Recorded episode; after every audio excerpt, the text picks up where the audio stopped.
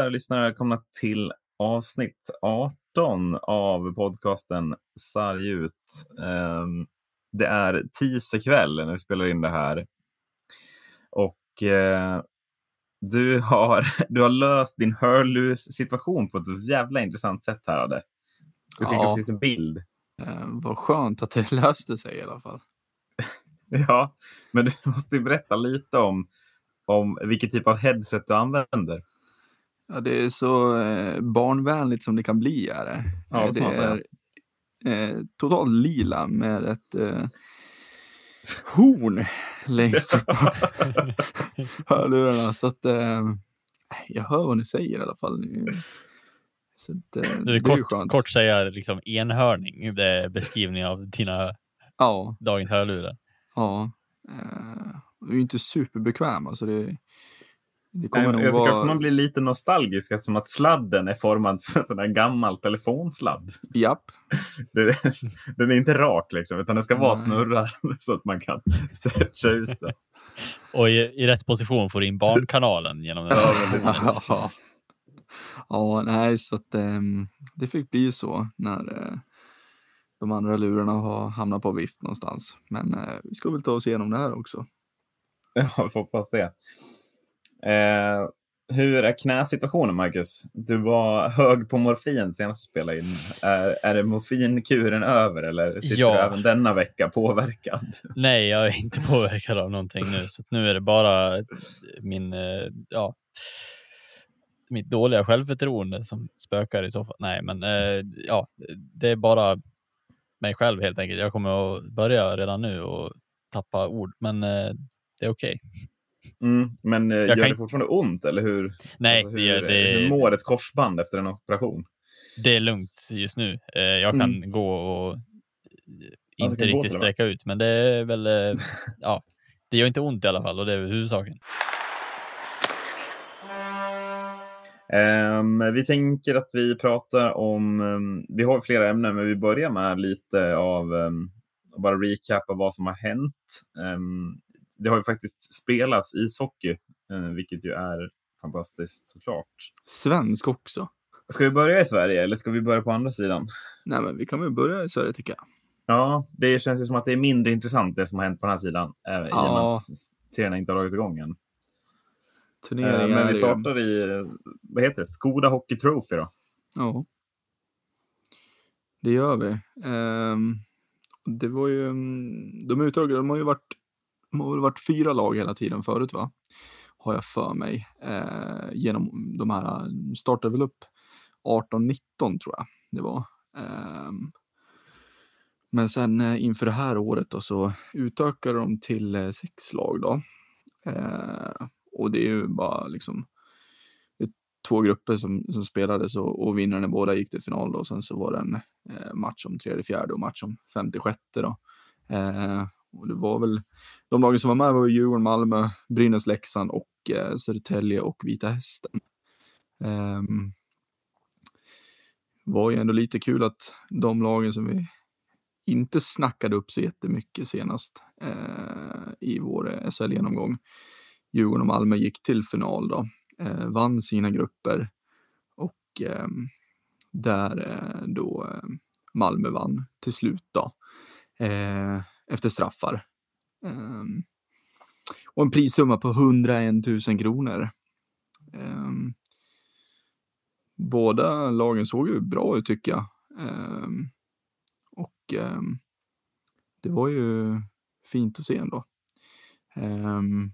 Att det kanske blir något bra till slut ändå eh, den här säsongen. Så vi får väl se vad, vad det landar i då. Ehm, Djurgården, som jag följer lite extra då, så, såklart, så de eh, såg, såg bra ut ehm, turneringen igenom. Så att, eh, vi får väl se. Eh, Linus Andersson från, från, eh, ehm, från hästen såg, ju- såg ju bra ut. Så att eh, får hoppas att han och Holtz kan knäppa dit några, några puckar i vinter. Ja, det känns som att um, det laget man ändå reagerar på väl är väl kanske Leksand ju, eh, eller Mm. även Brynäs såklart. Men de lagen tippade vi ju högre upp, ehm, eller inte Leksand, men vi tippade dem högre upp än Malmö för att väl tycker det är starkt av Malmö faktiskt åka och vinna den här turneringen. Mm.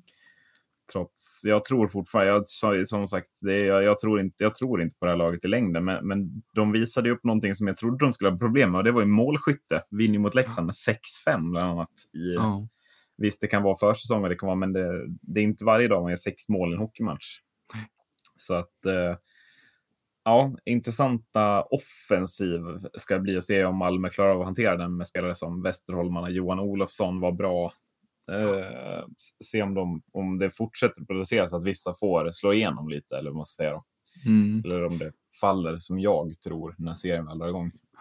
Västerholmarna såg ju, såg ju fina ut, så att eh, det båda är gott för Malmö.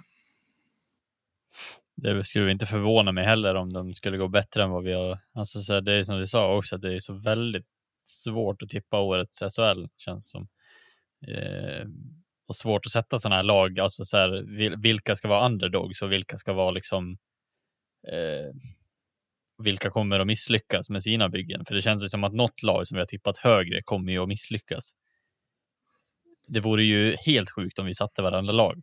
Ja, det, det, det, det, kommer vi inte göra. Alltså, jag, det kan jag nästan sätta mer pengar på att vi inte kommer att sätta varandra lag som vi har tippat, utan det kommer att vara något lag som misslyckas med sin uppgift.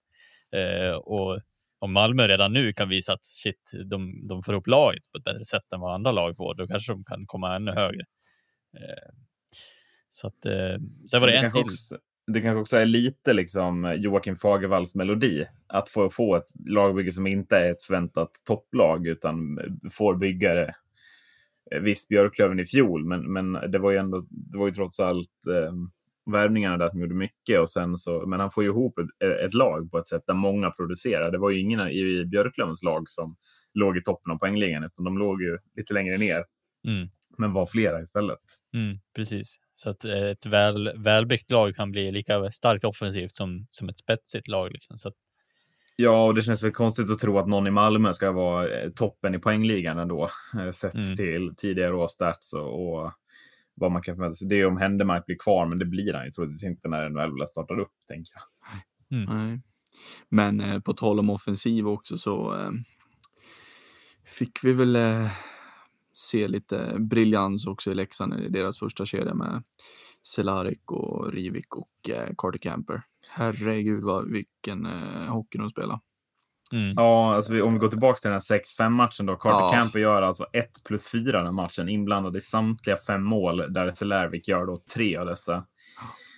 Ja, de har, om de har prickat de värvningarna Leksand, ja, då, då kan det bli en rolig, eh, väldigt rolig, ja, både höst och vår för Leksand tror jag. För att då har både Camper och Cehlarik 40 poäng i sig tror jag. Ja, mm. ja men alltså det är det att man brukar ju säga ändå liksom att, att det blir tufft i längden för en, för en, en kedja att bära ett helt lag. Men alltså på det sättet så de flög fram, alltså det var jag, jag, tycker inte ens det var en nivå över vad alla andra på isen presterade, utan det var två, till och med tre nivåer över. Mm, mm. Alltså det var sån total, total dominans. Så att det var läskigt att se. Um, så att som du säger, för om det att stämma så eh, då, ja, då kommer det bli en rolig säsong. Mm. Eh, då kommer det dansas rejält med daladans tror jag. Ja, och tänk då med tanken som kanske många supportrar tänker också att om de får igång Rittola, Zachrisson, nu Martin Karlsson verkar vara tillbaka eller komma tillbaka. Eh, det verkar gå bättre för han, eh, tyckte jag läste. Och sonen, eller barnet. Ja, eh. det, jag har inte läst något om det, men det är ju såklart jätteskönt om du har läst det. Och det. Eh, ja, och, och, och få tillbaks, eh, alltså den bredden som de skulle kunna få är ju, är ju en bredd som jag skulle kunna tycka är ett slutspelslag. Alltså, eh, om de får igång spelarna. Eh, och jag menar, har de den här första kedjan och sen kunna utöka bredden bakåt också, så kan det bli åka av. Ja, men och då, nu har vi liksom inte ens nämnt nyförvärven från Finland, Pajanen och Keito och inte heller Oskar Lang. Eh, mm. Som ju med all, alltså absolut borde kunna hävda sig i den här, eh, alltså ESL, på SHL-nivå. Mm. Så att det kanske, det kanske finns växlar i fler spelare, eh, och förutom Zachrisson och, och Rittola också. Då är, ju, då är man ju istället uppe på och börjar fnula på slutspelsplatser tycker jag. Mm. Eh, på en, alltså det, återigen, det är målvaktssidan jag tycker spökar för Leksand. Mm. Och det, där, ja, sex mål mot Malmö. jag ska inte säga, jag har inte sett matchen, jag har inte sett eh, så, och jag, jag, säger inte att det är några tabbar av målvakterna, men alltså en målvakt måste ju kunna ta, göra vissa räddningar, även om det inte är ett skott den citat ska ta. Eh, och gör man fem mål kanske man ska vinna matchen, tänker jag. Mm.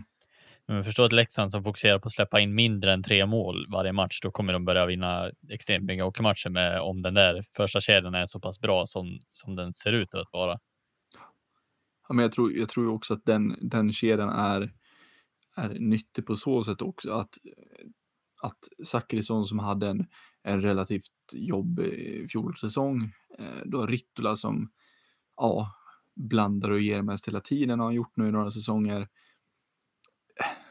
Om, om Camper, Rivik och, och Cehlárik gör sina poäng eh, och, och får igång Leksands offensiv, de drar ju med sig Zachrisson och, och Rittula och gänget. Eh, så då kan Zachrisson och, och Rittula till exempel, de kan ju liksom ta ett steg tillbaka på ett sätt där eh, där de inte behöver känna ett ansvar att det är jag som måste göra poängen, det är jag som måste, måste göra det för, för, för, eh, för Leksand. Eh, utan de kan liksom, de kan eh, tugga igång allt eftersom och sen så, så kommer det flyga, det är jag helt övertygad om, om, om, om allt sitter som det ska. Eh, för då kommer Zachrisson att, leverera på, på den nivån han kan och Rittola kommer göra sina poäng. Eh, så att det är inte bara att, bara att de gör poängen för Leksand den här första serien, utan de, jag tror att de öppnar upp möjligheter också för, för de andra bakom. Vad vill du säga om Djurgården? Du såg, du såg någon match eller? Ja, jag såg... Eh, Vilka såg imponerade? Du, du, nämnde Andersson, var det någon mer som stack ut som man ska hålla koll på? Ja, men jag tycker att eh, Dicken såg ju himla fin ut. Eh, när han kom tillbaka. Så att, eh, Eh, han såg riktigt fin ut och han var inte med, var inte med mot, mot Malmö i finalen. Så att eh, ehm, det liksom, ja, jag vet inte, är det liksom han, jag tror han håller den nivån fortfarande han höll förra året och då, då kommer han vara en av de bärande spelarna i laget. Och, ja, det, det behövs. Um, Ja, han behövs ju för svensk hockey, tycker jag också. Alltså, för hela ligan blir en profilrikare av att Dick Axelsson spelar i den. Framförallt. Säger framförallt. ju alltid vad han tycker liksom. Så att... ja. Nej, och Niklas Bergfors såg ju eh, väldigt fin ut också. Eh, gjorde väl, eh, han gjorde ju två mål eh, i finalen. Mm. Ehm, och får han liksom kan han börja tugga upp där mot 15-20 mål den här säsongen så, så är det otroligt bra. Eh, han har ju fått en mer defensiv roll av eh, Robban Olsson i, i Djurgården än vad han har haft tidigare kan, alltså, kan jag känna. Eh, för då har han varit en mer utprä, utpräglad målskytt, men nu har han eh, tuggat på med Henke Eriksson och grabbarna så att eh, där nere i, eh, lite längre ner i, i kedjesystemet så att eh, Eh, om han eh, kan pricka in 15 baljor i år så eh, då, då, då, har man en bra bredd. Det har man. Ehm, för jag tror att, eh, och som, som jag nämnde, Linus Andersson såg fin ut och kan han också eh, ja, men göra en 10-15 mål så vore det alldeles utmärkt också. Då har man ju tre extremt bra rightare i, i Holtz, eh, Andersson och, och eh, Bergfors.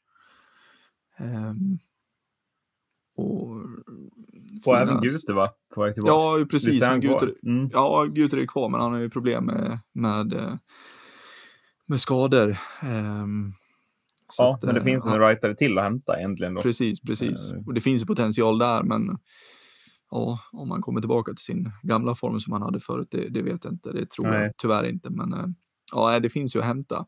Mm. Det gör det. Um, mm.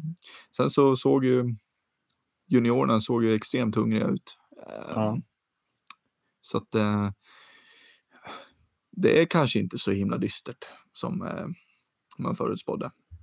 Nu ska Nej, ju, nämna, det, nu ska ju nämnas också att, att, att eh, Josefsson är borta minst en månad eh, operation där så att eh, det är samma sak där, det finns att hämta. Eh, så att är Dicken hel och Josefsson kommer tillbaka så eh, då kan det bli bra ändå. Ja, det känns ju som att serien, hela den här försäsongsturneringen visar ju hur jämnt det kommer vara, upplever jag. Ja, Att direkt så blir det lag, alltså ett lag som Malmö som vinner. Djurgården har gått trögt, man går till final. Leksand visar vilken högsta nivå man har och, och, Brynäs är där också. Liksom. Så att eh, hur jämn blir SHL? Eh, det känns som att det är många powerplay-kuponger det här året som kommer att ge mycket pengar. Eh, eller vara väldigt svårtippade. ja, För varenda match kommer i stort sett vara omöjlig att tippa, upplever jag. Eller alltså, det kommer finnas många streck man vill ha i varje, varje kupong. ja. Det, man, brukar väl, man brukar väl säga att eh, SHL är hetare än någonsin så varje år, men det känns ju som att i år den kanske inte är lika het i och med eh, pandemin och allting med inte någon publik i början och sådär. Men, eh, men eh, ja, fan, det är nog en av de jämnaste på bra länge kan jag tycka. Ja, Det känns lite som att det har krympt avståndet från botten till toppen. Att det har Mm. komprimerats ihop lite i, Men det i, kän- i mitt få- Alltså så här att det blir mer. Det är inte lika långt längre upp till Luleå som det, är, Nej. som det var förra året för Oskarshamn till exempel. Känns Men som. har inte det att göra också med hur säsongen avslutades? Att Leksand och Oskarshamn får vara kvar, får in extra miljoner. Ehm, så att de kan.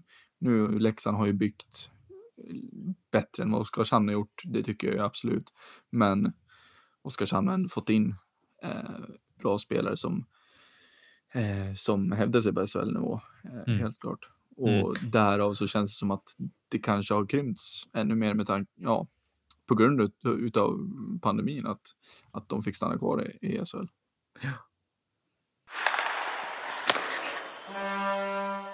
Ja, ska vi röra oss till eh, andra sidan Atlanten där är istället ett slutspel är i full gång. Ja, Eh, vi är framme i, säger man semifinaler? Nej, konferensfinaler säger man. konferensfinaler säger vi. Eh, de står mellan på den östra sidan Tampa Bay Lightning och New York Islanders och på den västra sidan Dallas Stars och Vegas Golden Knights. Jag tycker vi behöver inte prata så mycket eh, om just de semifinalerna. Det har gått en match av dem vi spelar in där, men vi kanske ska prata om semifinalerna istället. Där alltså tre av fyra semifinaler går till sju matcher. Mm. Och jag tycker vi börjar i haveriet Colorado Avalanche. Nej, men vi börjar där tycker jag, Marcus. Vad, eh, vad är dina tankar om att Colorado åker mot Dallas? tankar är väl eh, rent försvarsmässigt eh, där Colorado fallerar. Jag trodde att de skulle hålla längre ändå mot ett Dallas som ändå inte såg så. De såg inte extremt bra ut, Dallas heller, men jag, jag trodde verkligen att Colorados försvar skulle hålla längre än så här. Sen vet jag inte om det kan ha en, vara en eh, Eh, en liten effekt av att Grubauer försvinner tidigt in i den här serien. Eh, det är ju inte så långt ifrån att man faktiskt tar ikapp i den här matchserien och ändå faller kort sista, sista matchen på, på övertid. Då.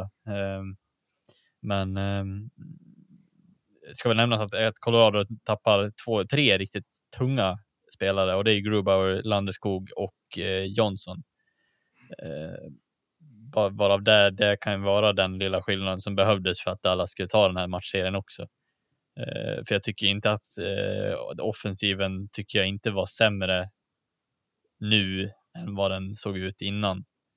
Eh, Rantanen gör sina poäng, McKinnon gör sina poäng. De såg stundtals helt otroliga ut. Eh, men Dallas hittar ju på något sätt eh, vägar att vinna eh, och det gör man genom att eh, hela tiden fullfölja in på mål och göra målen eh, göra, det, göra de målen som behövs, inte de som, som de vill göra, utan att det behövs för att vinna och då kommer de skicka allting de har på mål. Och det var lite deras taktik och det funkar mot Colorado.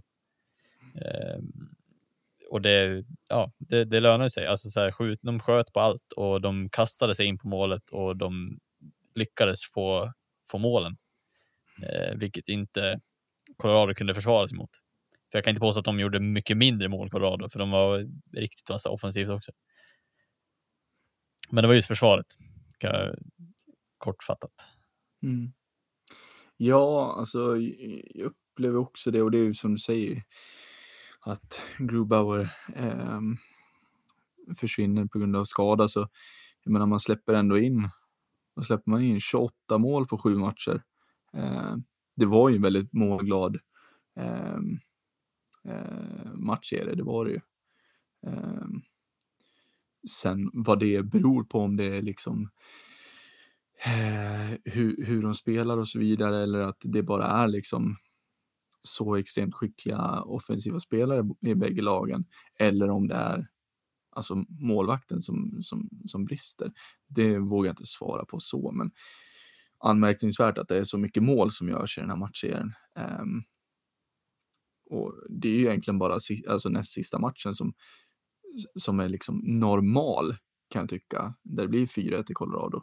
Um, och sen är det extremt mycket mål som görs så att ja, ja, Grubauer i kassen så kanske hade, hade stoppats någon, någon puck extra och det kanske var det som hade varit det som hade fällt avgörande också, att Colorado hade gått vidare istället för, för Dallas då. Men eh, ja, det får vi inte veta.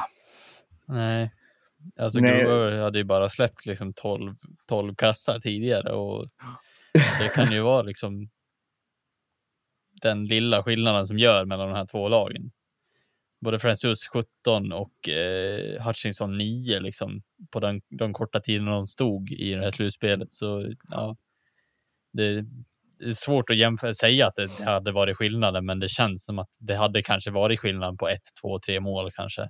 Mm. Och kanske hade varit skillnaden på att Colorado hade tagit en eller två matcher till i den här serien och kanske vunnit. Mm. Så att ja, men det är svårt att säga i efterhand. Liksom. Samtidigt ser man ju, jag tycker lite att man ser hur mycket, hur mycket av ett maraton som, där, så, som ett slutspel är. Colorado prickar ju formen väldigt tidigt. Man krossar ju stundtals Arizona och man spelar ju väldigt bra även mot Dallas. Men Dallas, man prickar den här formtoppen lite senare. Man är, ser lite tröga ut. Jag vet att när vi pratade om Dallas, eh, alltså innan, vi, ingen av oss trodde att Dallas skulle gå så här långt ens. Och, och skulle vi prata om dem som vinnare så, så var det ju ingen som hade velat ta det spelet. Eh, men jag tycker man prickar formen sån som Alexander Radulov kommer igång, visar ju vilken enorm kvalitet han besitter. Och, sen så kommer de här insatserna från en sån som då Kiviranta som gör ett hattrick från fjärde kedjan i sista matchen. Det är mm. sådana insatser som behövs för att vinna sådana här matcher. Och kan man fortsätta hitta sådana eller, eller grisa hem några segrar eh, som man ju faktiskt gör mot Colorado, för att inte tala om den första matchen mot Vegas nu i semifinalen, mm. där man vinner med 1-0. Så ja, då kan det ju räcka hur långt som helst upplever jag. Mm. Jag såg det nu bara av en ren slump. Förlorade inte Gruber en enda match i det här slutspelet? Det är imponerande i så fall. Ja, det får man säga. Mm. Fast det står dock att han stod sju matcher och vann fem, så jag vet inte riktigt hur, Ja, då, hur, hur det funkar. Han blev skadad sista. Men, alla matcher. Nej, precis, men det står ju noll förluster, så jag vet inte riktigt hur, ja. varför det. Men eh, ja, intressant. Följa upp med det se. sen på det kan man. Vart eh, vill ni härnäst? Tar oss väl, vi tar oss väl till eh, Vegas och Vancouver tycker jag. Ja. Um, oj, Förvånad att det blev sju matcher här måste jag säga. Ja. Efter att Vegas tog ledningen Ja, på ett eh, ganska skulle... enkelt sätt tycker jag ändå till 3-1. Mm. Man nollar Vancouver två gånger om där. Eh, jag trodde inte man skulle släppa det till sju matcher, eventuellt om man skulle släppa en match till. Men... Ja, nej, det mm, som jag började med, oj, oj, oj, så um, har Canucks en väldigt ljus framtid. Uh, helt klart. Uh, det är lite mer rutin uh, som lär in nu under, under off-season så att säga innan um, starten av nya säsongen drar igång här. Um, så ser det riktigt intressant ut. Um, Elias Pettersson har vi ju snackat tillräckligt om så han behöver bara nämna lite lätt kan jag tycka. Um, för det vet alla hur, hur, extremt bra han är. Sen var det ju extremt intressant också att se hur uh, Thatcher Demko kommer in också. Um, efter att Markström eh, blandat och gett. Ja, vi eh, kanske... Stundtals dominant. Just när du pratar om trade, en som kanske skulle hoppa på det där trade-tåget kanske mm. är Jakob Markström upplever jag. För mm. att jag tror inte att det blir många matcher som första målvakt efter det här slutspelets avslutning. Nej. det tror jag inte. Um, och um, ja, Thatcher Demko som kommer in, han har ju, han har ju varit en, en, en stor talang eh, bra länge. Um, har ju fått sporadiska chanser hittills i, i, i Vancouver. Inte riktigt fått det att stämma. Um, och Markström som har varit bra under, under säsongen som var. Um, men eh, som sagt, Markström blandade och, och gav i, i, uh, i den här matchserien och till slut så kommer Thatcher Demko in och ja, är helt eh, dominant i kassen och det gjorde nästan lite ont även fast jag har Vega som segrare av, av uh, Stanley Cup den här säsongen så gjorde det lite ont eh, sista matchen att, eh, att Vegas vinner och att han får släppa tre. Eh, för som han spelade. Ja, han släpper bara ett eller? De gör två ja, utomkastet ja, tror jag. Jo, eh, precis, så att jag, tycker att, jag tycker att det är befogat. Mm. Alltså, det är nästan ont att han får släppa ett, ett skott till sist ja. där, för att det är sanslöst vilka räddningar han gör de första två perioderna. Så att eh, jag har ju svårt att se att, att eh, Markström blir kvar faktiskt. Eh, I alla fall i, du, som första keeper. Ja, precis. Jag har ju svårt att se också att man, att man behåller Markström som andra keeper med, med då eh, en relativt saftig lön som han sitter på. Eh, där kan man, kan man göra, göra liksom, cleara lite space så att säga. Eh, för att kunna hämta in lite mer rutin till en, en backsida till exempel. Um, och det är väl det som, som behövs känner jag. Um, till det här lagbygget för att uh, det ska kunna flyga ordentligt nästa år. Uh, och det ser som sagt extremt intressant ut. Uh, jag kommer komma hoppandes här och kasta mig över Adde och säga att vi har inte pratat klart om Elias Pettersson, det kan jag ju säga. där håller jag inte med dig. det fin finns det någon, någon person som vi inte kan prata klart om, det är väl Elias Pettersson. Alltså Elias Pettersson i slutspelsskägg. Det är nog fan det hetaste jag har sett sen typ Mario Lemieux eller Wayne Gretzky. Alltså så här, Gud, det har jag inte sett. Det måste jag googla fram. Men nu, alltså, har, du, nu har du ju så här typ William Nylander-crush och det tycker inte jag riktigt om. Nej, men det här handlar inte om William Nylander-crush. Det är ju bara för att jag tycker om att du inte tycker om honom. Det här är ju bara, det här är ju ren och skär att, alltså hockeygeni är han. Alltså titta på de målen som Vancouver gör när de vinner matchen innan Game 7. Alltså alla målen är han inblandad i på ett eller annat sätt. Och han står framför mål, han gör skitjobbet, han backcheckar hem, tar pucken, så att, eller ja, stöter pucken så att han inte kan göra mål, Mark Stone. Alltså så här, han gör sådana saker som en toppspelare i något annat lag inte gör. Alltså så här, vilket annat lag inte gör. Och jag tycker att han, han förtjänar en, en ännu mer. En puss? Ja. av, av Adde. Nej, alltså så här, för jag vet inte hur jag ska beskriva att, att han, han är hela tiden kring Vancouver när det går bra för Vancouver och även när de inte borde vinna. Så vinner de. Och, och vi såg väl allihopa att Vegas skulle vinna den här serien egentligen ganska. Det kändes först som att det skulle bli enkelt, men varför det inte blir enkelt för Vegas, det stavas Elias Pettersson. Alltså jag skulle, jag skulle vara beredd att säga att det, alltså han, han eh, nästan överträffar sig själv känns som.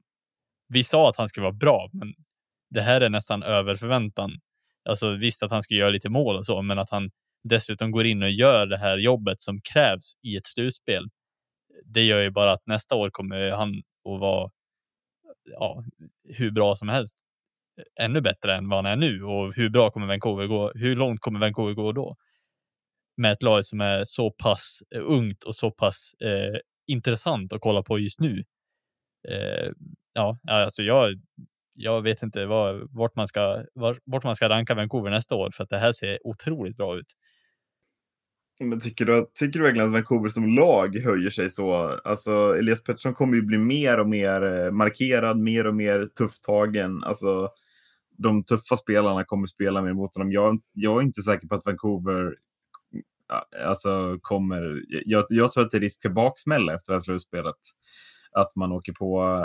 Fler tar dem på större allvar eh, och, och, att man istället får det, får det tuffare. Men eh, alltså, om Elias har en till nivå i sig, det är ju det som är det intressanta. När han får den här extra uppvaktningen, kommer han fortsätta att vara så dominant som han stundtals var i det här slutspelet, ja då har vi ju Alltså då är det ju på riktigt att vi måste börja prata om, om liksom eventuella Foppa-nivåer i framtiden, kan jag tycka. Ja, men det som gör att det inte går att markera en sån spelare, det är för att han, han alltid hittar på nya sätt att göra saker på. Alltså det är så svårt. Att, jag menar, titta på det målet som de gör. Nu vet inte om det var i den här matchserien, men att ah, de passar in. Han passar bakom ryggen två gånger och helt plötsligt så vet inte försvaret riktigt vilken sida de står på. Och, och den nivån och kunna veta exakt vart sina medspelare är och kunna göra de passningarna utan att, att göra bort sig själv eller göra någon form av eh, någon form av passning som är osäker i anfallszon i det tempot. Alltså det, det finns inte många spelare i den här ligan som gör det. Och, och jag tycker att han, han gör det i den här åldern och i, alltså så här rent potentialmässigt känns det som att vart är stoppet någonstans? Samma sak det här skottet som han gör. Så här, alla vet att han står på den sidan, precis som med Ovechkin. Alltså så här, alla vet att han står där. Alla vet hur han skjuter. Alla har sett hur han skjuter. Lik förbannat gör han mål. Och jag, jag, tycker att det säger ganska mycket. Alltså så här, och det borde Vegas också veta. Ja, men det, samtidigt så Vegas nollar de ju också i två matcher. Jag, ja, ja. jag är lite ja. så inne på, eller är det tre matcher till och med? Ja, tre matcher nollar Vegas de i. Mm. Där, alltså, där har ju Vegas, där får de kontroll på de toppspelarna och kan Vegas få det hela vägen i slutspelet, ja då är det nog vinnande laget kan jag uppleva. Mm. Eh, men jag tänker att det blir då bryggan över till, till, till nästa. Eh, till nästa kvartsfinal. För där kom, det stora eldprovet jag vill prata om för Vegas kommer väl ändå vara Tampa Bay Lightning. Eh, hur stoppar man Braden Point och Nikita Kucherov? Jag tror inte att det är möjligt när jag ser dem stundtals under det här slutspelet. Eh, För där finns en nivå som är, ja den är över Elias Pettersson, den är över alla, alla lag. Den är över McKinnon och Rantanen också tycker jag. Eh, och högsta nivån i de två är, ja den är, den, den imponerar så på mig att, att och nu fick Tampa Bay dessutom vila eh, inför, medan alla spelar sju matcher spelar de bara fem mot Boston. Och då vinner man med 8-2 mot Islanders.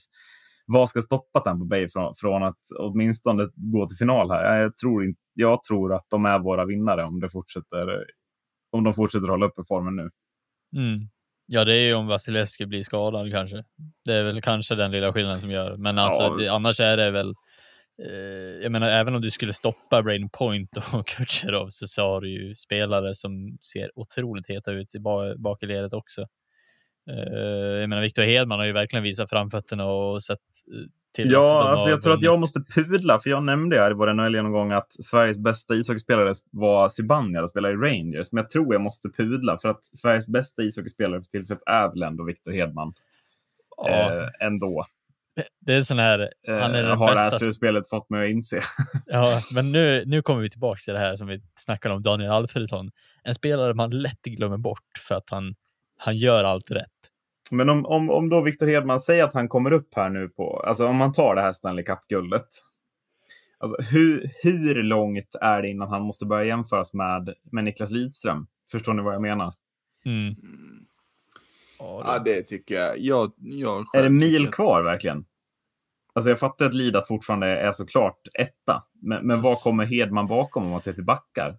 Alltså tar han det här Stanley Cup-guldet så är han väl ändå, ska ju räknas som en av de största backarna i svensk hockeyhistoria, eller? Ja, ja, helt klart. Absolut. Men jag tycker ändå att, att eh, jag tycker att Lidas är långt före alla andra, tycker jag. Ja, jag för sig. Men ehm, ja, absolut. Det är ju, sen bakom så tycker jag nog att det är Hedman, men, men det är, jag tycker fortfarande det är långt kvar tills, tills dess att um, ja, Hedman är där. Um, han har ju många, många säsonger i sig kvar. Det har han ju och fortsätter han så här som, som han har gjort nu i, i några säsonger så absolut. Eh, då, då kan man väl nog eh, sitta där efter hans karriär och prata om hur eh, extremt bra han var och att han och Liras var lika bra eller vice versa. Liksom.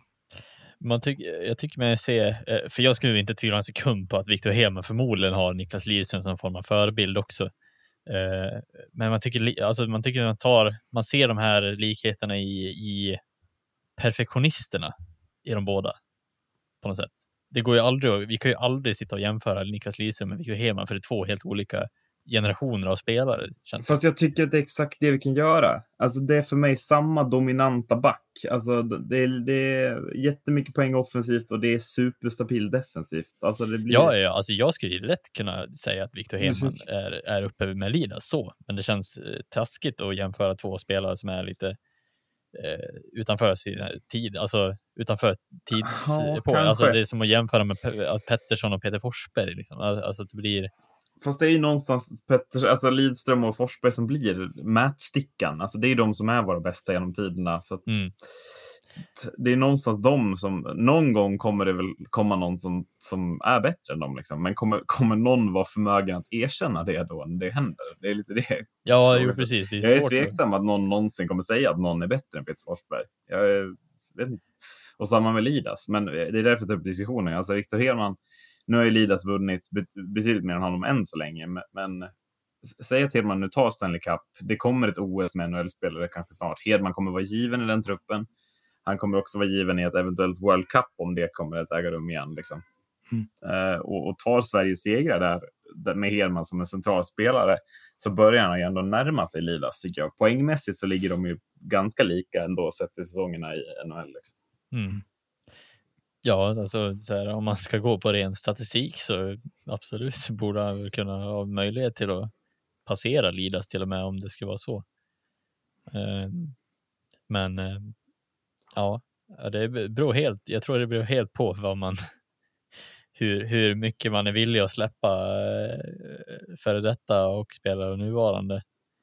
Det är det. Jag tycker det är jättesvårt det här. Alltså det är ju svårare som man kan jämföra nästan. Alltså spelare som var förr jämfört med nu, för det är en helt annan typ av hockey nu. Känns som. Också. Ja, jag, jag sticker ut hakan och säger att Islanders vinner efter sju matcher. Mot Tampa Bay. Ja, På tal om liksom övergång till, går till, till ja, verkligheten Islanders, igen. eh, De slår ju ut Philadelphia ändå på ett övertygande sätt. Eh, ska jag säga. Men du tror alltså att, att det sker en, en vändning efter den här 8-2-krossen? Ja men jag, det är någonting med, med det är en helt, helt annan femma nu. Eh, när, när Barry Trotz var i, i Washington så avskydde man ju honom på ett sätt i och med att rätt ändå bittra rivaler till, till Pittsburgh. Men, eh, och, och Ovechkin och Crosby som alltid har stått sida vid sida och sådär. Men eh, alltså det han gör med, med Islanders är ju ja, häpnadsväckande tycker jag. Eh, alla åker på de här dängorna ibland, det, så är det. Eh, och i det här fallet så var ju bara Point och Kutjov tycker jag överjävligt bra i just den här matchen. Ehm, eh, men jag tror trots, han är ett sånt geni på, på bänken så att jag tror att han skulle kunna skruva bara på, på någon detalj så, här, så att kunna stänga ner dem lite mera. Ehm, men nej, jag, jag vet inte, jag har, nog, jag har en känsla. Ehm, det är ju inte mycket som talar för det efter, efter nattens bravader. Men ehm, nej, jag, jag, jag, jag sticker ut och, och säger så. Men det var väl, det var väl Grais som stod första Ja, målen också. ja. Och, Och det ska man väl ha i åtanke med. Han har bara stått fyra matcher i det här slutspelet och Varlamov är väl en sk- ganska solklar eh, första keeper i det här laget. Ah, Eh, kollar, du, kollar du på förra året så, så stod ju både liksom, då var det ju Lener och Grais. Jo, Eh, men, och eh, där tycker jag ändå så här, alltså Varlamov är bättre än Lener? Nej, det är han inte. Så att jag tycker att, alltså, och Grais var ju riktigt bra förra året också, ska ju tilläggas. De släppte väl in minst mål jag för mig i hela ligan, Islanders förra året. Um, så att, nej, jag, jag, jag tycker, tycker Grais, Grais är bra och förtjänar, förtjänar att stå. Ja, absolut. Men alltså, jag tänker att det, det, det säger ju någonting att han bara fått stå fyra matcher av slutspelet. Att de verkligen vill köra på valla. Sen kan jag inte påstå att Varlamov var bra när han kom in heller. Eller rättare sagt, Lightning var för bra för, för Varlamov. Mm. Ja, för är det någonting som Lightning har, alltså jag tror inte det riktigt spelar någon roll vilken keeper som står i det där målet. Är det någonting Tampa Lightning är bra på så är det väl att göra mål lite. Alltså de gjorde väl flest mål förra året. Eh, så. Ja. Eh, så att det är ju. Det handlar ju om försvararna att stoppa det här och frågan är om, om de försvararna som nu har gjort det så bra mot Philadelphia blir för synade. Att det kommer en nivå till kvalitetsmässigt. För det gör det trots allt tycker jag eh, är på anfallssidan. Men det återstår att se. Jag, jag kanske blir smälld på fingrarna här, men jag tror att det här kan bli väldigt, väldigt tufft för Islanders. Eh, och jag tror att man eh, idrottspsykologiskt så ligger man ju inte bra till efter den här första matchen. Ja, nej, det, men det, det, det som talar för Addes, det här sticka ut näsan eh, grejen är ju att de faktiskt har ett väldigt intressant, intressant lag som tror få har koll på att de har. Alltså så här, det känns som att Hur rankar du in dem dem? Om man, om man ser till de fyra lagen som är kvar, Marcus, hur rankar du in Islanders chanser? Alltså om, om ni gör en lista av vilk, vinstchans för de här lagen, vilka har minst vinstchans på titeln tycker ni? Jag tycker nog ändå inte att det är Islanders. Alltså jag rankar Islanders högre än, än Dallas i alla fall. Mm. Ja. Ja. Nej, det är ju alltså så här, det är ju svårt att säga att Tampa inte vinner Stanley nu. Eh, det hade varit kul om Vegas fick ta den eftersom de var- blev rånade på det första året de var med. Inte rånade heller kanske, men men att de, Nej, men de var ju nära. de tog sig så långt ändå. Det var Ja. kul och det är kul nu också, eh, med tanke, speciellt med tanke på att William Karlsson och Lene är där. Ehm, och sen, jag tycker inte att Dallas såg så pass bra ut mot Colorado. Det var mer Colorado som inte lyckades vinna mot Dallas. Eh, och Islanders ser mycket starkare ut än vad Dallas gör tycker jag. Så det är nog Tampa etta, Vegas tvåa, Islanders tre och Dallas fyra i så fall. Skulle jag säga. Ja, jag håller I med om ranking och i vad jag tror på, på chanser här. Det är ju svårt. Det är ju svårt att inte liksom. Alltså. Det är ju svårt att, att, inte säga att det inte är två solklara favoriter, tycker jag. Ehm, även fast, även fast jag, jag har en feeling att Islanders eh, kommer ta det. Så just kollar man spelartruppen och, och liksom spetskvaliteterna i laget så, så är det ju, då är det ju enligt mig två, två favoriter i, i de här eh, bägge konferensfinalerna. Mm. Ehm, i, I Tampa och Vegas. Men ja, är det, det blir intressant att se. Jag, jag tror nog att Islanders skulle kunna hitta på någonting. Jag tror, och det stavas bara Barry Trotz tror jag. För att han är så, så pass skicklig och han har ju skickliga spelare att göra med också. Barzell ser ju, ser ju otäckt bra ut också. Det är ju liksom en... Han och, han och Braden Point är ju samma spelare i princip. Uh, så att, ja, det, det, jag tror det kommer gå långt. Jag tror det kommer bli sju matcher. Jag tror att Highlanders kommer knipa faktiskt. Mm. Vi återkommer sen när Islanders och Dallas är i final. Ja, vi gör, vi gör väl Vi det. återkommer när Tampa har 4-0. Vi, vi återkommer oavsett. Och vi bumprar där, eller? Dystra prognoser, om vi då vi flyttar tillbaka. Vi har gått igenom eh, hockey som har spelats. Nu till det som ska spelas. Eh, Allsvenskan ska starta om mindre än en månad. Och då sitter hela Bikarskoga i karantän med 18 smittade spelare av coronaviruset. Eh, vad håller på att hända här, undrar jag lite. Alltså, kommer, kommer det att kunna starta eh, på utsatt tid om, ett, om hela Karlskoga sitter i karantän? Ja, det känns, det känns eh, som att det inte borde göra det. Eller det, det, ja, det, det, vore ju tråkigt för BIK Skoga om det gör det. Eh, för vad gör man då? Ställer upp med J20? Eh, jag vet inte om hela föreningen har stängt ner bara för att det är, eller om det bara är A-laget. Ja, men nej, jag alltså skulle alla- gissa på att de stänger ner nästan hallen och inte. Ja, men så, och, det, och vi ska ju, det som även ska tilläggas är att Väst, de, Västerås mötte ju då Karlskoga och Västerås har ju också stängt ner. Mm. Eh, men, men jag tänker liksom, Karlskoga kommer inte kunna träna någonting fram till. Ja, Alltså, det, är ett blir- lag som inte har tränat på en månad som kommer att komma till premiären. Det Ja. känns inte heller helt fair. Ja, alltså det känns ju som ett rejält bakslag. Eh, och det blir ju, det påverkar ju hela deras start av, av säsongen. Och sen också så här, vilket lag vill möta BIK Skoga om de kommer tillbaka så är lite så halvt av några är sjuka och några om några inte hinner friskna till till dess.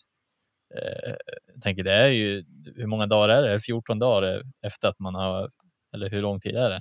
Nu har inte jag koll på det. Men, ja, eh, men 14, alltså karantän är väl två veckor, ja, precis. Mm. Så att eh, jag menar, det blir ju en, en risk och vi är ju snart, liksom, snart halvvägs in i september och eh, ja, det kan, det kan bli, bli tajt om de fortsätter att få mer smittade nu liksom.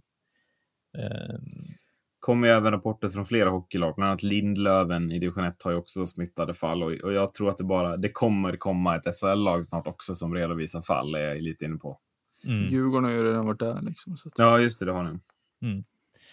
Ja, nej, så att det, det blir ju också um, och det blir otroligt svårt för ett lag som som BK Skog att skjuta på matcher så enstaka. Det måste ju vara att, att hela allsvenskan ska gå in och, och skjuta på seriestarten i så fall.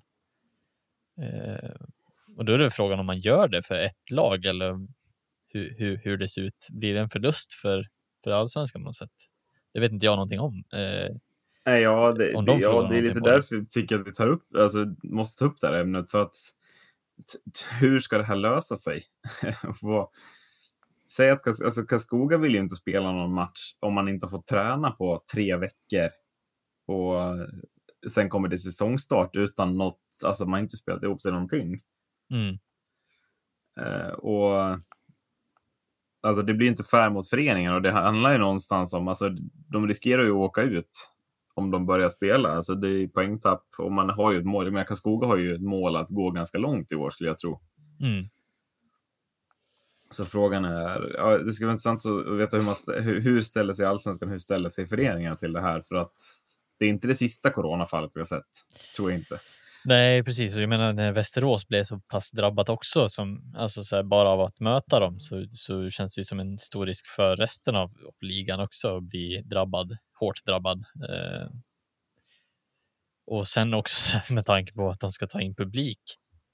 Eh, om att nu tanken är att det ska få komma in publik i oktober eh, när Vika Skoga nu just nu sitter där med 18 man smittade så känns det ju lite halvt sådär också om, om det nu kommer att ske. Eh, känns tidigt också att börja i oktober om det nu liksom inte hinner bli bättre. Nej, och SHL svårt. startar då ännu tidigare, ska vi ju nämna någonstans, tänker Mm. jag. Precis.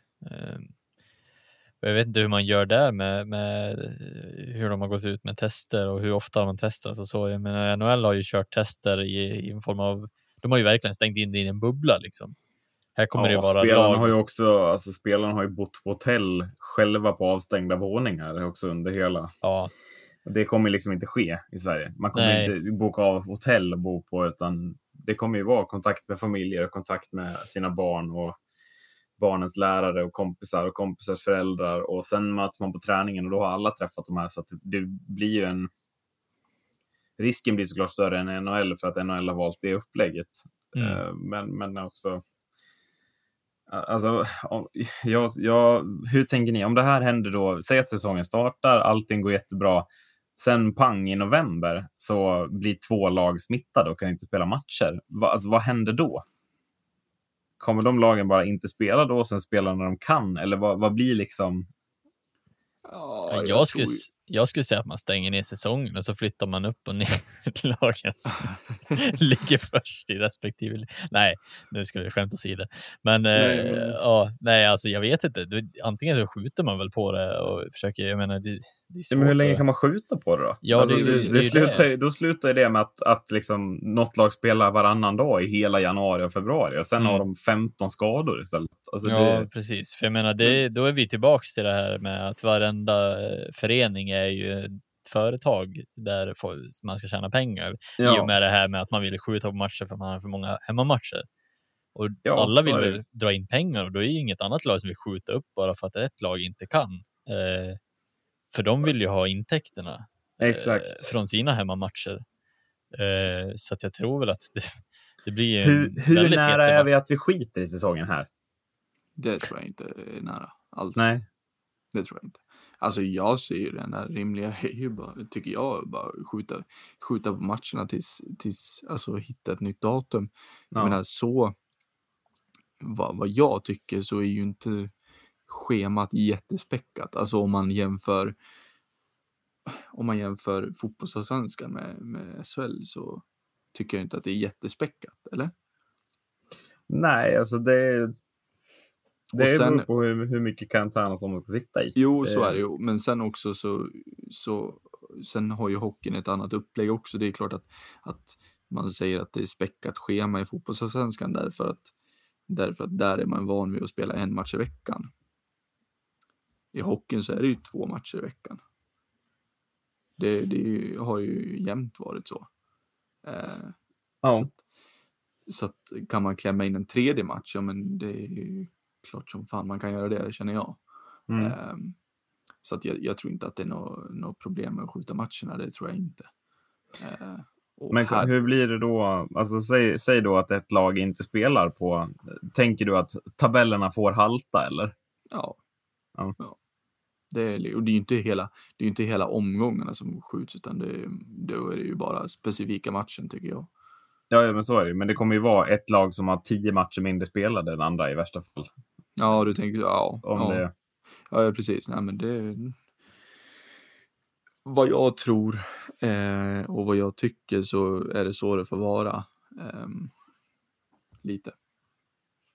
Ehm, det, jag har ju jättesvårt att se att man ska göra någonting annat, liksom att man skiter i det eller ja. Nej, men har- alltså, jag, jag tror inte som dig att, att man kommer ju köra. Det kommer man göra. Föreningarna överlever ju inte Nej, precis. ett år till utan. Men, men hur, alltså, jag börjar bli rädd att, att det är nära att det kliver in från, från högre nivåer. Att Folkhälsomyndigheten, regeringen, att de kliver in och stoppar det. Och då har man liksom inget att säga till om. Mm. Och, och vad, alltså hur förödande kan det här, alltså även sådana här eventuella klusterutbrott som det så fint kallas, på, alltså hur kan det påverka ishockeyn i längden? Jag tror det kan vara jag tror vi kan få se det- förödande konsekvenser av detta slu- alltså i slutändan. Om, om det skulle Mm. bli att flera lag drabbas av så här stora smittor. Ja, ja, definitivt. Det många av de mindre klubbarna som, som sitter liksom på, på strecket och, och verkligen så här, eh, har den ekonomiska eh, oron att eh, det kommer, ju det kommer ju smälla många klubbar på fingrarna när om det nu skulle vara så att ja, shit, nu ställs det in igen. Och så sitter de där på på precis på, på eh, absoluta kronan och ja, det, det kan bli tufft för många lag. Det tror jag absolut. Men det är just det också som gör att jag tror att liksom så här. Ja, jag, jag kan inte se framför mig att, att i det här fallet av typ Folkhälsomyndigheten slash regeringen går in och säger att nej, inget spel. Ja, jag tror inte det. Jag, I och med just den ekonomiska biten. Um, för det är som sagt alltså, ja, det får, får man ju liksom väga så här vad, vad man har satt sig i för, för sits själv, liksom alla klubbar. Med värvningar hit och värvningar dit och höga löner och bla bla bla. Eh, men jag tror att det är den absolut sista utvägen och jag tror att den utvägen är väldigt, väldigt långt borta. Det är vad jag tror i alla fall. Mm. Men det är ju, det är ju om, om, om, typ, om du säger att det är 18 smittade blir i typ Almtuna och så har Almtuna precis mött Tingsryd och så har Tingsryd också 16 borta. Det blir liksom en, att det blir som en kedjereaktion om man märker att holy, om vi inte stoppar det här nu så kommer hela allsvenskan att försvinna. Liksom. Ja, ja den, den är, Eh, kedjereaktionen är ju också livsfarlig såklart. Det är ju den. Eh, för det är väl så precis som det har skett i BIK Karlskoga och Västerås just nu. Ja, Eh, det har inte gått längre än så ändå. Nej, och då är Eh, de bara, alltså så här, då är de bara mött varandra. Förstå när man kommer på det efter två omgångar att ja, men det är fyra lag som har mött varandra. Alltså helt plötsligt fyra lag som har 18 spelare borta. Ja, Då börjar, så- då börjar det funderas kanske. Ja, det blir ju, alltså tabellen kommer ju halta något osannolikt. Eh, Mm. de lagen som klarar sig kommer fortsätta spela medan de lagen som Säg att ett lag sen blir sjukt och sen två månader senare drabbas igen av corona. Eh, det Mm. går inte, hur tänkte jag nu? Men, eh, men alltså så. Ja, ja. Risken är att, att eh, liksom, ligan kan behöva... Jag vet inte om kommer lagen acceptera att så här, "Ja, vi har tio matcher mindre spelare än alla andra lag eh, och ha kniven mot strupen eller hur kommer man... Har, har man också tänkt på det här? Är, är det jag är rädd för? Alltså, eller kommer man paniklösa alla sådana här eventuella problem om de sker? Jag tror eh, att eh, liga, alltså organisationerna i sig är ju väldigt förberedda på vad de har gett sig in på. Ehm, vad olika saker och ting kan få för olika eh, sorts konsekvenser. Ehm, likt no någonting sånt här. Jag, jag känner väl att det här är ju väldigt unikt på ett sätt eh, hittills, för det har vi ju inte sett någonting ännu. Eh, Djurgården hade ju många borta till exempel. De hade ju sju stycken fall. Eh, om jag inte missminner mig helt. Eh, och, men där stoppades det, vad, vad man vet. Och sen är det klart att ja, nu har jag väldigt svårt att se att man skulle mörka någon, någonting sånt. i en annan femma mörka en hjärnskakning eller mörka, ja men, ja, någon skada. Men i det här fallet när det gäller en smitta som det är, eh, så är det väldigt svårt att se att man skulle mörka någonting sånt. Så att sju personer är ju mycket, men där lyckades man hålla det liksom. Eh, och i någon intervju med, med Robban så, så sa han ju det att de hade ju placerat ut de här äh, smittade spelarna eh, som hade kommit tillbaka och skulle agera som lite sköldar liksom i omklädningsrummet. Ehm, I och med de antikropparna man, man bygger upp då. Ska vi snacka något om den här lånecirkusen också då, eller? Vi Ja. kan väl gå igenom den lite kort tycker jag. En kortis, ja. Kortis. Här har vi två timmar till att prata om. Ja, i värsta fall. Men du hade en sammanfattning. Det är ju allsvenskan vi går på. Även om Jajamän. det finns några i SHL också. Men eh, Ja. allsvenskan som vi har regerat på de senaste dagarna. Ja. Eh, och för de som inte vet det så har det ju, om man nu på något sätt har missat att det har kommit in en hel del lån eh, till allsvenskan från eh, spelare som eh, har ett NHL-lag som äger rättigheterna till dem. Det är inte allihopa som har spelat i NHL eller som spelar NHL så. Eh, men de i alla fall ägs av de här NHL-klubbarna. Då. Eh, och jag tänkte väl gå igenom dem, eh, för de är ju, håll i hatten nu, de är rätt många. Mm. Men vi börjar väl, eh, Björklöven har vi Carl, Grundström som är LA Kings. Eh, AIK, Viktor Söderström från Arizona, eh, Oliver Wahlström från New Islanders, eh, Södertälje, Lukas Vejdemo från Montreal, Samuel Fagemo från Södertälje. Nej, från Los Angeles Kings. Ja, till Södertälje. Södertälje. Ja. Ja, härligt. Axel Andersson, Anaheim. Eh, Ivan Bouchard, Boilers, det här senaste tillskottet. Eh, David Gustafsson, Winnipeg i Tingsryd, eh, glömde jag säga till och med. Eh, Vita Hästen har Simon Holmström, New York Islanders. Almtuna har Gustav Lindström, Detroit, Filip Larsson, Detroit, Tim Söderlund, Blackhawks, Johan Sörgren, eh, LA Kings. Modo har Alexi Heponiemi, Florida och Jesper Lindgren är före detta Toronto men numera Pittsburgh. Och där slutar väl eh, våran enorma lista på, på NHL-lån som har bara öst in. Eh, Mm. Och resten Ja. av lagen har då inte tagit in. Och, eh, Vi ska väl också nämna att Rasmus Asplund är väl i stort sett nästan klar för Västerås, skulle jag tro. Eh, att han blir sista center in där. Mm. Mm. Eh, börjar det inte bli lite många, eller? Jo, eh, det tycker jag. Eh, det, alltså så här, tolka oss inte fel nu. Det här är jättekul att eh, allsvenskan blir så här upplyst på det sättet och det kommer in duktiga ishockeyspelare som vill spela i den här ligan och eh, det är fantastiskt. Men sen finns det två typer av lån som vi tycker i alla fall känns lite. Ena är mer relevant för klubbarna och andra är mindre relevant.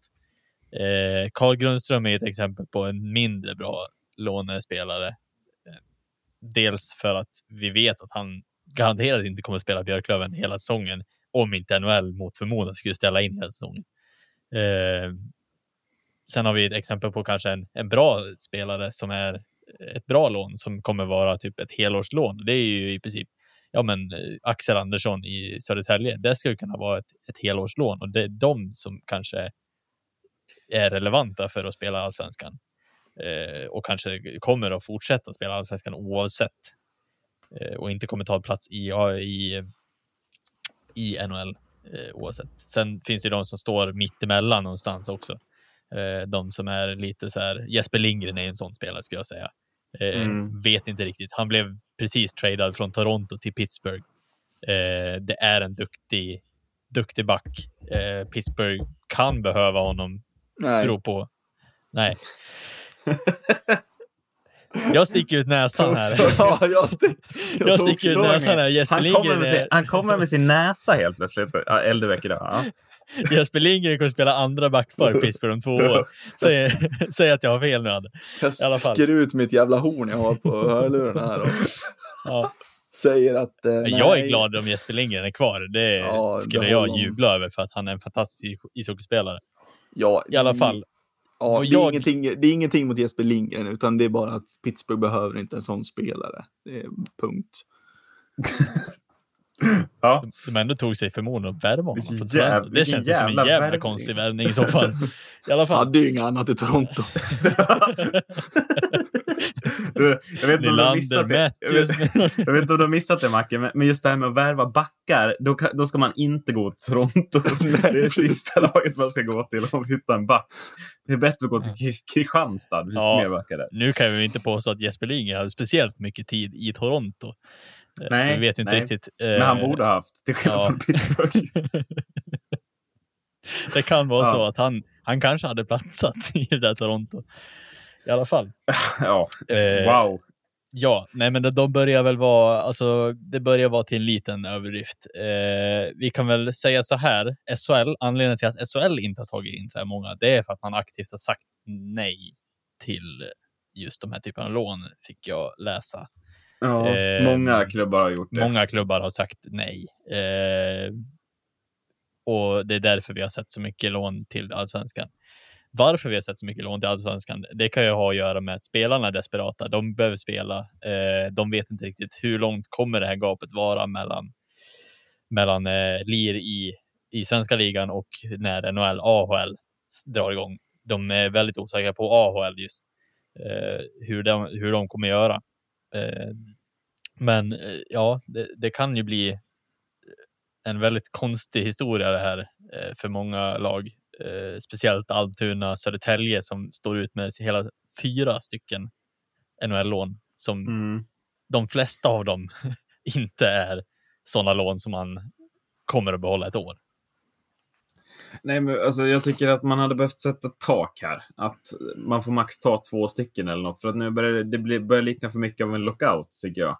Mm. Eh, där, där spelarna Oliver Wallström och Evan Bouchard är i, absolut i täten för den typen av, av värvning. Alltså, det här är två spelare, de har inget intresse av att spela i Sverige egentligen. De vill bara spela hockey tills NHL startar igen och då vill de åka tillbaka.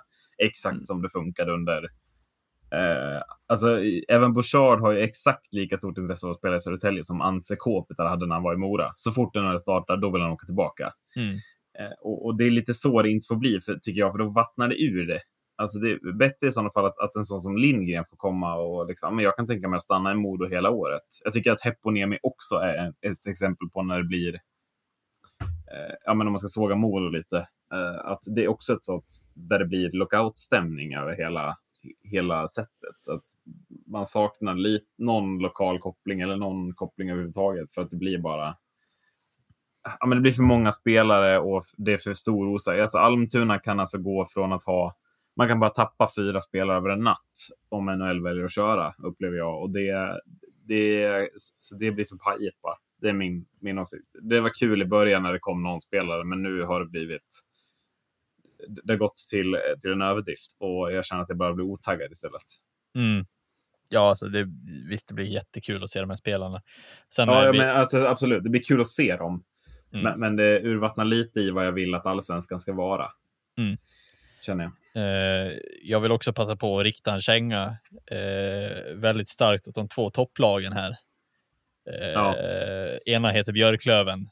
Säger, jag, säger någon emot mig så absolut, ni ni är välkomna att höra av er till min mail eller ja, vad heter det? Ja, Våran mail. på våra Har vi en sociala mail? medier. Nej, Vi har en mail. mail. Nej, men sociala medier. Ja. Det var det roligare om vi hade en mail för klagan. I alla fall, eh, just till topplagen och Modo. Jag räknar också Modo som ett topp fem-lag i alla fall, minst. Topp två-lagen. Ja, det finns ingenting som kommer stoppa Björklöven och Modo från att bli topp två. Ja. Har ni emot, hör av er. I alla fall. Jo, anledningen till detta. Visst, Björklöven. Bj- Björklöven. Björ- Björklöven. Jag är väldigt, väldigt internationell idag.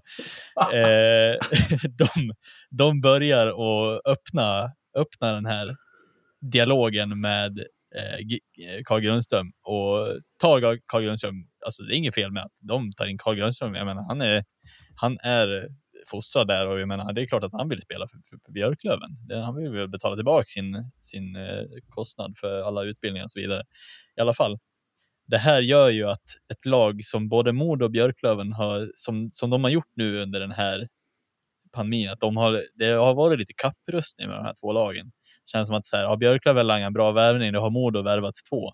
Alltså att det blir hela tiden den här balansgången mellan, ja, nu, nu ska vi värva, ja, men kolla våran värvning. Liksom. Det Mm. blir lite samma sak här. Carl Grundström blir klar för Björklöven. Spelare, alltså man, man typ börjar flexa musklerna här istället. För att det faktiskt är någonting som gynnar klubben. Och här börjar det nu snackas i mod om att Adrian Kempe och Viktor Olofsson och Ullmark är aktuella för lån. Och här börjar det gå lite till överdrift. Ja, Eh, och samtidigt plockar ju Modo också Tobias Wiklund. Jag tycker det är samma. Alltså, Björklund tog in Rahimi tidigt som visar Mm. här kommer en hemvändare. Då ska Modo göra samma sak och flexa musklerna. Visa vi kan också värva en bra back. Liksom. ja, jo, Eh, men så att jag precis. tycker att det är den typen av kapprustning får man hålla på med. Men jag tycker inte att, att man behöver värva och ta massa NHL-lån också för att visa, visa hur starka man är. Ja, eh, för det känns, det känns lite som att säga, ja men kolla vi, vi har också NHL-spelare som vi kan låna in och de är ju, de är ju uppenbarligen, de är ju i, i Övik. Viktor Olsson är med på träningarna och kör liksom, så att det, men det blir, det känns som att det skickar lite fel signaler till laget eh, och det är där man måste tänka på. Att eh, visst, det är jättekul att de kan komma in och inspirera spelare så, men det här känns mera som en form av liksom så här, ja men ni har värvat det där och ni har gjort det där, ja men då ska vi också ta, göra det. Eh, och visst att man kan utnyttja lån på det sättet att ja men det kan ju vara kul att få en drömstart på allsvenskan så. Eh, men det känns lite löjligt när det är spelare som Adrian Kempe som absolut inte har någonting att göra i allsvenskan.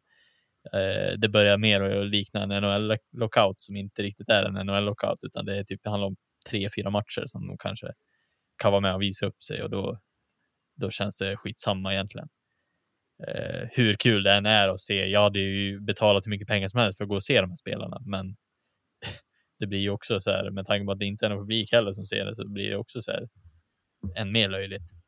Eh, och ja, nu får vi se vad, vad, vad, vad som blir då, om, om det nu blir. Nu, har det, nu är det ju bara spekulationer, men att man ändå går ut med spekulationer om att det är det är inte Modo själva som har gått ut att det är intressant så kanske, men det är klart att alla sådana namn är intressanta för, för klubbarna. Det är svårt att säga nej till en spelare som Adrian Kempe som kommer och frågar, "Ja, men kan jag få vara med och lira? Men är inte det, det är lite det jag är inne på, Marcus. Hade det inte varit lite fräscht om, det, om man hade vågat säga nej eller så? Jo, Alltså man så här, precis. det, ja, men jag tycker, vi var inne på Luleå förut, att så här, de kanske skulle ha tagit det, men att de har ju sagt tydligt nej. Liksom. Och jag tycker att det börjar kännas lite fräscht för att ett sånt lag som Almtuna nu, de tar ju bara in allt som vill komma. Alltså så här, hur bra, alltså Filip Larsson, han är målvakt, hur bra är han på allsvensk nivå? Alltså Mm. inget ont om Filip Larsson, men är det ens en spetsvärvning börjar jag luta åt. Mm. Typ lite tveksam. Eh, Ja. och det är väl också därför jag tror vissa SHL-lag är, är betydligt mer alltså, stränga med det här. För att där finns det redan kvalitet. Alltså, Tim Söderlund är ingen spetsspelare i något SHL-lag. Det är han ju i, i allsvenskan. Men, men att det, det behövs ju betydligt bättre spets om man ska stärka ett alltså, SHL-lag, upplever jag. Ja, Jag vet inte hur du tänker där, Ad. Ja, alltså. Det är klart för mig som som eh, liksom ser allsvenskan från ett perspektiv utifrån mer än vad ni gör så, så tycker jag att det, jag tycker att det är lite kul. Men, men samtidigt så, så är det som ni säger, man vet att, att väldigt många av de här lånen kommer att försvinna. Eh, vilket gör att man kommer få se dem i liksom, ja, nu vet jag inte, men fem till tio matcher. Ja. Eh, och ja, det är ju klart, Almtuna med, med, med, med sina liksom, alltså fem, tio matcher, om de lyckas knipa, ja men säg fem av de här tio matcherna eh, på grund utav de här värvningarna. Eh, då är det ju klart att, att det är jättebra för Almtuna. Men, men det blir ju samtidigt så här, åh, hur kul är det då? Att, att de kommer in som en slags, som en slags liksom lockout på ett sätt liksom och, och, och sen försvinner de. Men eh, ja, nej, jag tycker, jag tycker att det, om vi går till SHL så tycker jag det är bra att de har liksom sagt nej. Um, och det, jag känner liksom inte att det finns så många heller som skulle tillföra en eh, något så jättemycket. Eh, och speciellt inte över så pass kort tid eh, kan jag känna. Um, det är klart att, att det hade varit trevligt med Emil Bemström nu som gick till, eh, till Helsingfors i finska ligan istället.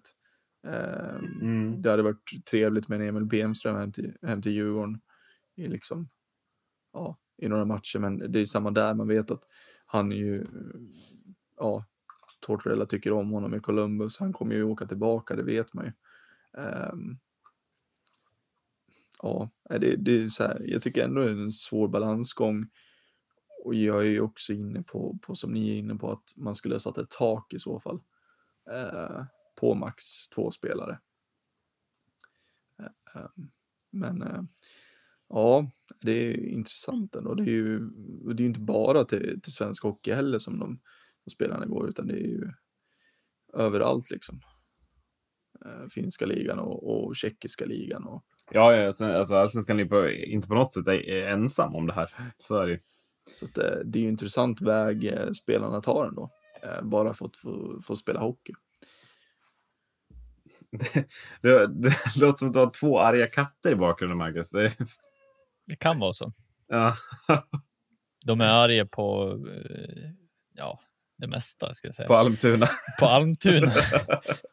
Men om vi ska, så här, om vi ska sammanfatta deras syn på det här. Eh, Katterna eller Almtuna? Ja, ja, katterna för den delen. Ja. Så har de bara tagit ut tre av de här lånen som bra lån. Av 15. Eh, och det tycker jag är eh, väldigt eh, uppmärks eller så här, uppseendeväckande. Du menar de lånen när vi gick igenom listan Eh, innan, innan Adde hade hittat Ja, eh, men precis. Alltså? Ja. Och, och det säger väl ganska mycket att det är tre lån av de här som faktiskt är bra. Eh, Ja, och med bra lån menar vi då alltså lån som troligtvis kommer att kunna stanna hela säsongen, som inte har ett intresse Mm. av att, eller där när klubben in, tycker att ja, men, spela kvar du och så kommer Mm. du nästa år och spela då istället. Ja, Ja, exakt. precis. För att jag menar, det, det ska ju någonstans gynna spelaren och det ska gynna laget. Jag menar, vad gynnar det laget om, om Carl Grundström är med två matcher och gör noll poäng om man nu skulle göra det. Men och så sen åker tillbaks liksom så här, och så är det någon som får tillbaks sin plats. Det blir lite, det, han utvecklas ju inte som spelare heller. Han får ju bara mer istid liksom. Han kan ju Ja. lika gärna vara med och träna med, med vilket annat lag som helst eller träna med Frölunda för den delen. Eh, så att ja, det blir lite. Eh, ja, det är lite olika syn. Sen de bra lånen är ju Filip Larsson, eh, Axel Andersson och Jesper Lindgren för de som Enligt oss då. då. brydde sig, ja, enligt oss då. Eh, och eh, enligt Adde som Jesper Lindgren är världens bästa lån. vad, vad tycker du om vi säger de till namn till dig, Adde, som inte var med i den här diskussionen innan? Håller du med oss eller är det något namn till som du tror kan, kan bli kvar resten av säsongen? Vad sa du? Jesper Lindgren? Eh, Axel Andersson och Filip Larsson. Ja. Alltså. Ja. Sticker ut näsan Jag säger tror- Evan Bouchard. Ja. eh, nej, men jag, ja, det känns ju som eh, den jag är mest osäker på i så fall det skulle ju vara Axel Andersson. Mm, Ehm, samma här. han eh, hade ju extremt bra camper när han, han är ju draftad av Boston. Så han blev ju tradad här om det var under denna säsong som var till Anaheim. Ehm, och det är ju, var ju, är ju en väldigt bra, bra trade för, för honom själv också. För att i ett Boston kommer han inte in, gör han ju inte som det ser ut nu. Eh, I Anaheim har han ju bra mycket större chanser. Eh, och för att gå tillbaka till Boston-tiden så, så fick han ju väldigt bra bra och många lovord av eh, Bruins eh, för sitt spel på camperna. Så att, eh, det var ju en spelare som, som de trodde väldigt mycket på. Ehm, så att om, om, man, om man ser det på, på, på så sätt att de gav väldigt mycket lovord så var det ju en, en konstig trade av, av Boston att trada bort honom. Men, men ehm, sen vet man, vet man ju inte om, om han själv har haft någonting med i spelet att, göra också. Det vet man ju inte. Ehm, men det är ju bara bra för, för Axel att han är i, i, ehm, i Anaheims organisation nu istället. Mm. Eh, För där har han ju bra mycket större chanser. Ehm, och det skulle väl inte alls vara förvånad om han skulle lyckas eh, ta sig in i början. Liksom. Du kan ju, du kan ju liksom spela, eh, spela på, i början av nio matcher ehm, som du har innan, rookie, innan liksom kontraktet börjar kicka in. Ehm, och sen kan man ju ta ett beslut om honom. Eh, och det känns ju rimligt, tycker jag. Eh, för att eh, Dax har ju inte superbra defensiv enligt mig. Så att där finns det ju absolut chanser eh, för honom.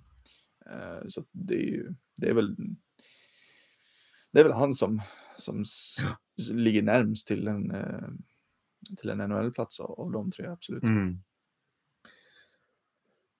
Ja, men... eh, Jag har en intressant sista sak också, bara Ja, här, eh, spontant som jag hämtade från en, från en tanke från en Löven-supporter. Jag antar att det är Löven-supporter som den heter Love, Löven Forever, var bloggen. Men eh, i alla fall, och det är från Löven-bloggaren här eh, som, som skriver just om Carl Grundström då att visst, det är ju fantastiskt kul att se Carl Grundström i rätta färger och så. Mm. Men, och det kryddar ligan och han hade förstått det här om det hade varit publik på plats på ett annat sätt. Att det Ja. hade ju varit liksom en ekonomisk stöd för klubbarna att kunna ta in de här publikmagneterna och kunna göra det mera som en, ja men som en ekonomisk, alltså så här, det gynnar ju klubben på ett sätt. Men nu blir det ju mer att det uppstår ju en kortsiktig kostnad, som man säger det. I vissa fall liten, men i vissa fall betydligt större, för du betalar ju försäkringskostnaderna för de här spelarna. Så är det. Och det är ju bättre spelare är ju högre, eller ju högre lön lär det väl vara i borta i, i Nordamerika, ju, ju högre eh, försäkringskostnad är det väl. då. Så att det blir ju lite, ja, det är lite det som är, är eh, problemet med det här, att det, det kommer inte att kunna ge, generera så mycket mer publik än vad, vad restriktionerna ger heller. Och jag tror inte att vi kommer att se 6000 pers på eh, arenan i, Inom en snar framtid? Nej, absolut precis. inte.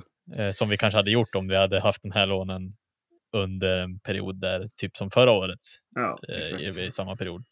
Så att ja, nej, det blir lite så här, ja, halvtråkig eh, kostnad där också.